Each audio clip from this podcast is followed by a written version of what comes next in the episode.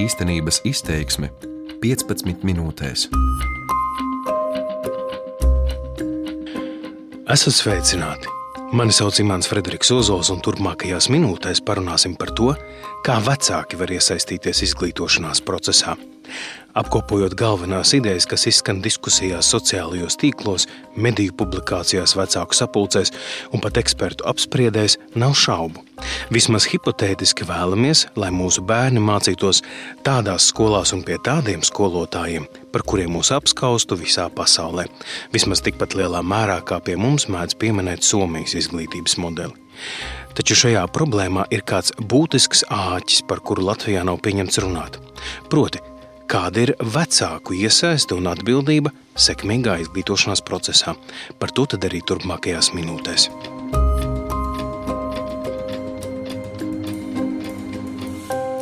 To, ka vecāki ir ārkārtīgi svarīgi bērnu izglītošanās procesā, zinājām jau sen. Taču nekad tas nav izpaudies tik ļoti kā tagad. Kādēļ? Jo mūsdienās bērns ir īpaši grūti aizsniedzams. Fiziski tas vēl ar vienu ir tepat acu priekšā, bet lielais vairums vecāku apliecinās, ka nedalīt uzmanību bērns velta tikai tam, kas notiek virtuālajā pasaulē. Konkurencē ar krāsaino, specifiktiem un pārspīlētām emocijām bagāto virtuālās realitātes telpu gan skolotājiem, gan pašiem vecākiem arvien grūtāk panākt uzmanību sev un reālās dzīves problēmām. Turklāt, ja vecāki vēl spēj sniegt eksistenciāli nepieciešamas lietas, drošību, pārtiku, apģērbu, skolotājs turpretim nāk ar visai abstraktu saturu, vedinot sev līdz zinātnēs, kurām pielietojumu savā virtuālās realitātes izmainītajā telpā redz tikai motivētākā bērnu un jauniešu daļu. Kāpēc par to runāju?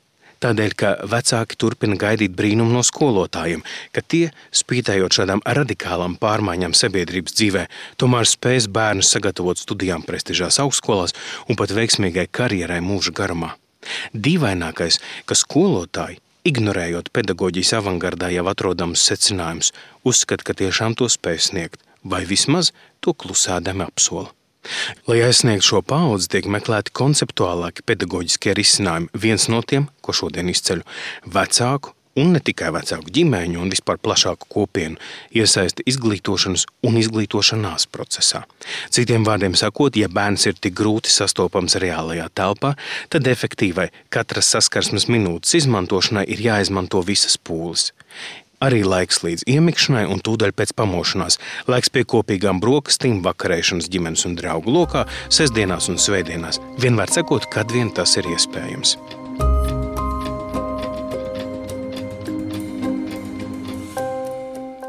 Lai būtu saprotams, par ko runa, minēšu vienu šādu iesaistīšanās piemēru. To savulaik radio BBC stāstīja kāda britu pedagoģijas zinātniece. Ja šobrīd arī Latvijas skolās apgūstot literatūru, bērns saņem darba lapu individuālā izpildē, citkārt darbam grupās, Un, ja to izsniedz kā mājasdarbu, tad dažkārt vecāki paslēpus iesaistās un vēl mēdz savus niknos iespaidus pārstāstīt sociālajos tīklos, tad šādā gadījumā, apgūstot kādu literāru darbu, darba lapu saņem bērns un visa viņa ģimene. Protams, netiek noteikts, kam tieši un vai visiem jāiesaistās, taču vēlamais patiešām, lai noteikto grāmatu izlasa vismaz vēl kāds ģimenes loceklis, bet varbūt pat visi. Varbūt pa laikam izlasīt kaut ko no savas kultūras klasiķiem vai pasaules literatūras patiesi nemaz nav slikta doma. Un, ja nu vēl uzdevumi ir gluži interesanti, piemēram, aptaujāt un pierakstīt savu ģimenes locekļu domas par vienu vai otru notikumu, vai kādu domu vai būtisku jautājumu, kas parādās šajā literārajā darbā, bet varbūt darbs skar vēstures posmu, par kuru vecākajiem ģimenes locekļiem ir savas atmiņas, un varbūt atmiņas no tā, ko stāstīs tēvs par savu vectēvu. Ne tikai bērns ar saviem mājas darbiem tādajādi netiek izolēts no ģimenes, bet vienlaikus un nevilšus vairāk sabiedrības locekļu lasa un diskutē par būtiskām, tostarp morālētiskām problēmām, kuras tiek apskatītas literatūrā. Šim virzienam, kurā līdz ar bērnu izglītošanās procesā iesaistās arī viņa ģimenes locekļi vai draugi, manuprāt, ir liela nākotne. Tiesa, vecāku un skolotāju sadarbībā ir būtisks šķērslis. Visiem zināms, tomēr publiski noklusēts.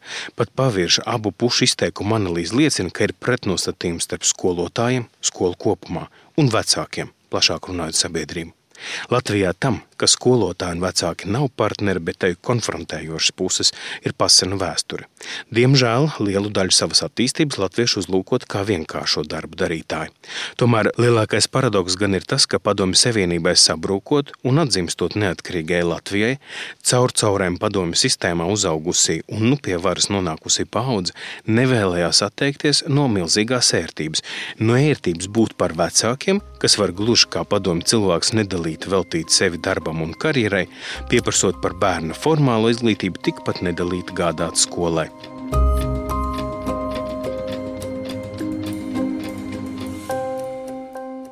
Tik tālu, kā mēs tur nonācām. Tagad par to, ko varam darīt tagad un tūlīt, negaidot, kad mainīsies valsts, sabiedrība, pedagoģiskā tradīcija, vecāki un bērni. Šķiet, svarīgākais būtu apzināties, ka bērni tomēr tiek audzināti ģimenē, un ka šis pienākums nebeidzas līdz ar skolas gaitu sākumu. Savukārt skolas un skolotāju kritizēšana neaizvieto vecāku iesaisti izglītošanās procesā. Atlikušajās minūtēs trīs lietas, kas prasa vecāku iesaist un kas var palīdzēt būtiski uzlabot bērnu rezultātus mācībās, viņa labsajūtu un pat nākotnes izredzes. Pirmais - motivācija un vēlreiz motivācija.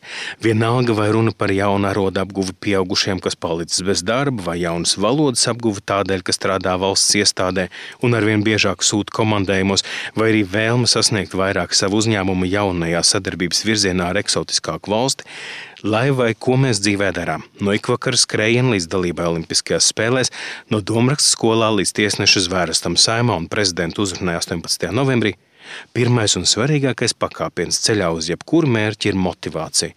Tas atšķir cilvēku, kurš vēl vakar nekā nevēlējās un nevarēja, no tā, kurš šodien kaut kļūdās, klūp un krīt, bet iet uz priekšu.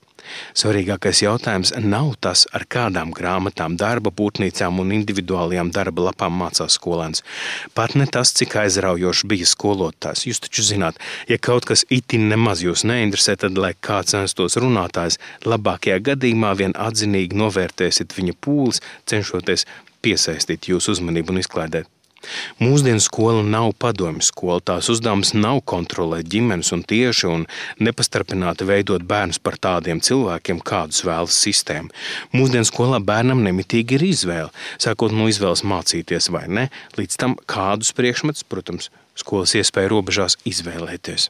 Šādos apstākļos motivācija ir izšķiroši svarīga. Vai un cik bieži pārunājat bērna mērķus? Vai šīs sarunas ir abstraktas un attiecas uz tālu nākotni vai uz to, ko jau šodien var darīt, lai tos īstenot? Vai atceraties, ka mērķi jāprot skatīt, dalot tos ilgtermiņa, vidēja termiņa un tūlītēji īstenojamos? Vai neesat jau nogarlaikos ar nemitīgu pārliecināšanos, ka bērns tiešām studēs inženierzinātnēs, vēlēsies kļūt par ārstu vai mākslinieku? Bet varbūt gluži otrādi esat bijis pārāk vienaldzīgs, varbūt baidāties no savu pusauģu dzirdēt, nu, tēti, cik var par vienu un to pašu. Un tādēļ nemaz par to vairs nerunājat. Tad teikt, vienreiz mums jau šāda saruna bija, cik gan var vēlreiz un vēlreiz. Vai atceraties, kas var būt vēl briesmīgāks par uzmācīgu interesi? Tikai absolūta vienaldzība. Motivācijai ļoti svarīgi ir atzinība no apkārtējiem, sākot no ģimenes locekļiem, beidzot ar pavisam svešiem cilvēkiem. Nevar tikai pārliecināties, ka bērnam ir nākotnes mērķi un tad nelikties par tiem nezins. Jābūt reālām lietām, ikdienas izaicinājumiem, uzdevumiem un sarunām, kas ļauj nostiprināt šo motivāciju. Piemēram, bērns ar entuziasmu iesaistīsies svinību ēdienkartes plānošanā, ēku pamatu un jumtu hidro un siltumizolācijas problēmu risināšanā, pat konfliktu risināšanā un savu apvidus folkloras studijās, attiecīgi parādot sevi kulinārijā, uzturzinātnēs, inženierzinātnēs, psiholoģijā, lingvistikā, folkloristikā un vispār jebkurā jomā. Tie ir uzdevumi, kurus vislabāk var izdomāt vai nu bērni paši, vai arī sadarbībā ar saviem vecākiem. Ievērot, pamācīt, uzmundrināt un paust atzinību - tas jau vecāku ziņā.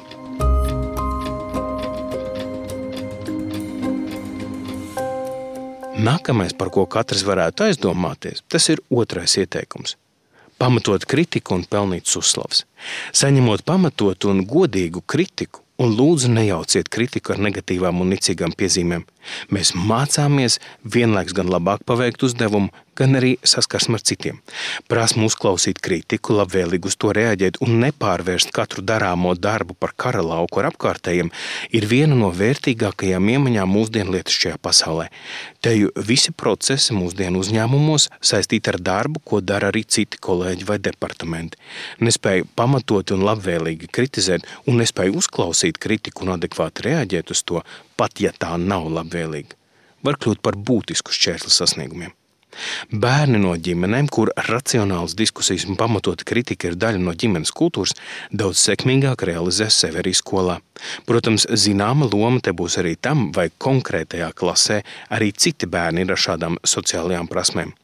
Taču vismaz tikpat svarīga kā pamatota kritika ir arī pelnīta uzslava.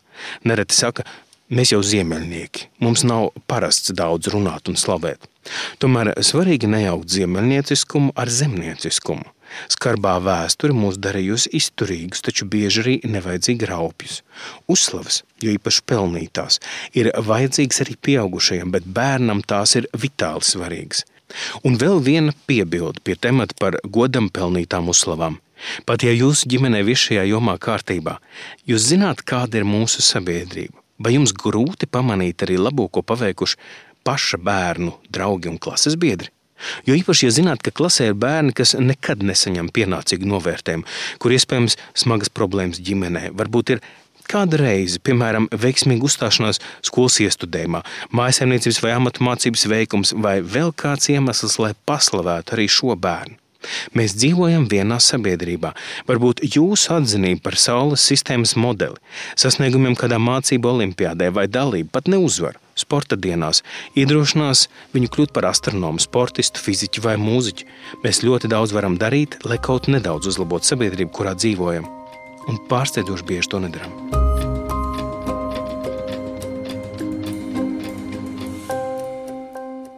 Un visbeidzot, trešā lieta Ļaujiet bērnam atpūsties un izgulēties. Tautas deju ansamblis tūdaļ pēc skolas, tad papildu valodas nodarbības vienā un mūzikas skola otrā dienā. Tā gan ir aktivitāšu maiņa, bet nav atpūta. Neliela privāta atkāpe. Kopš Brasas tilta daļai slēgšanas, lai nokļūtu uz darba laikā un pagūtu pirms brīvības iela nostrēgs līdz pat gaisa tiltam, mostos īsi pēc pieciem. Sabiedriskajā transportā esmu dažkārt labu brīdi pirms septiņiem, Jūs jau zināt, ar gadiem prasības pēc miega patiešām mazinās, tādēļ nesūdzos. Taču mani pārsteidz daudzie skolas bērni, ko redzu tajā pašā agrajā rītstundā. Īsi pēc septiņiem, jo īpaši dienās, kad no rītiem pie manas konsultācijas esmu skolā. Līdz konsultācijas sākumam vēl vismaz 40 minūtes, līdz pirmās mācības stundas sākumam pat vairāk par pusotru stundu, bet gaiteņos jau ir bērni. Reiz vienai savai skolniecei šādā agrā rīta stundā noprasīja, kādēļ tu esi tik agri skolā, ja vēl nekas nenotiek. Meitene tikai nopūtās, noteica ai un novērsās. Nekāda lielā izmeklēšana nebija jāveic. Ir vairāk iemeslu, kādēļ bērni tik tiešām drausmīgi agrā rīta stundā jau ir skolās, un viens no tiem ir vecāku nepieciešamība būt agrāk darbā. Atgādināšu, bērniem nepieciešams ilgāks miegs. Tas nav slinkums, bet bioloģiski diktēta nepieciešamība. Tieši bērnībā un pusauģa gados miegs ir ārkārtīgi svarīgs. Pusauģa ķermenī notiek ļoti strauji un nereti asimetriski augšanas procesi. Tā ir liela slodze sirds un asinsvadu sistēmai un centrālajai nervu sistēmai. Hroniska neizgulēšanās sāsina psiholoģisko stāvokļus, jo īpaši spriedzi un agresiju. Lai gan bagātīgs miegs negarantē, ka agresīvs pusaudzis kļūs mierīgs, tomēr pat vismierīgāko cilvēku var novest ļoti bīstamā stāvoklī, liedzot tam nepieciešamu atpūtu. Papildu faktors ir intensīva gaismu izstarojošo ekrānu lietošana līdz pat iemekšanas brīdim. Tie paši labi zināmie televizors, vietālrunis un dators. Pat ja bērns var iemigt nekavējoties, šo ierīču lietošana pēdējās stundas vai pat divu laikā līdz miegam negatīvi ietekmē miega kvalitāti. Ir vēl ļoti daudz, ko vecāki var darīt savu bērnu labā. Piemēram, pašiem atgriezties augstskolas vai kādas profesionālās izglītības kursu solā.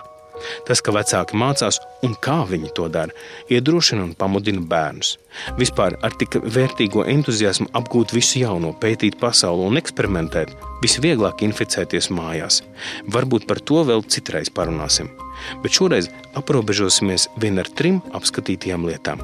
Motivācija un vēlreiz motivācija pirmajā vietā, pamatota kritika un bagātīgas pelnītas uzslavas otrajā, kā arī atpūta un miegs trešajā.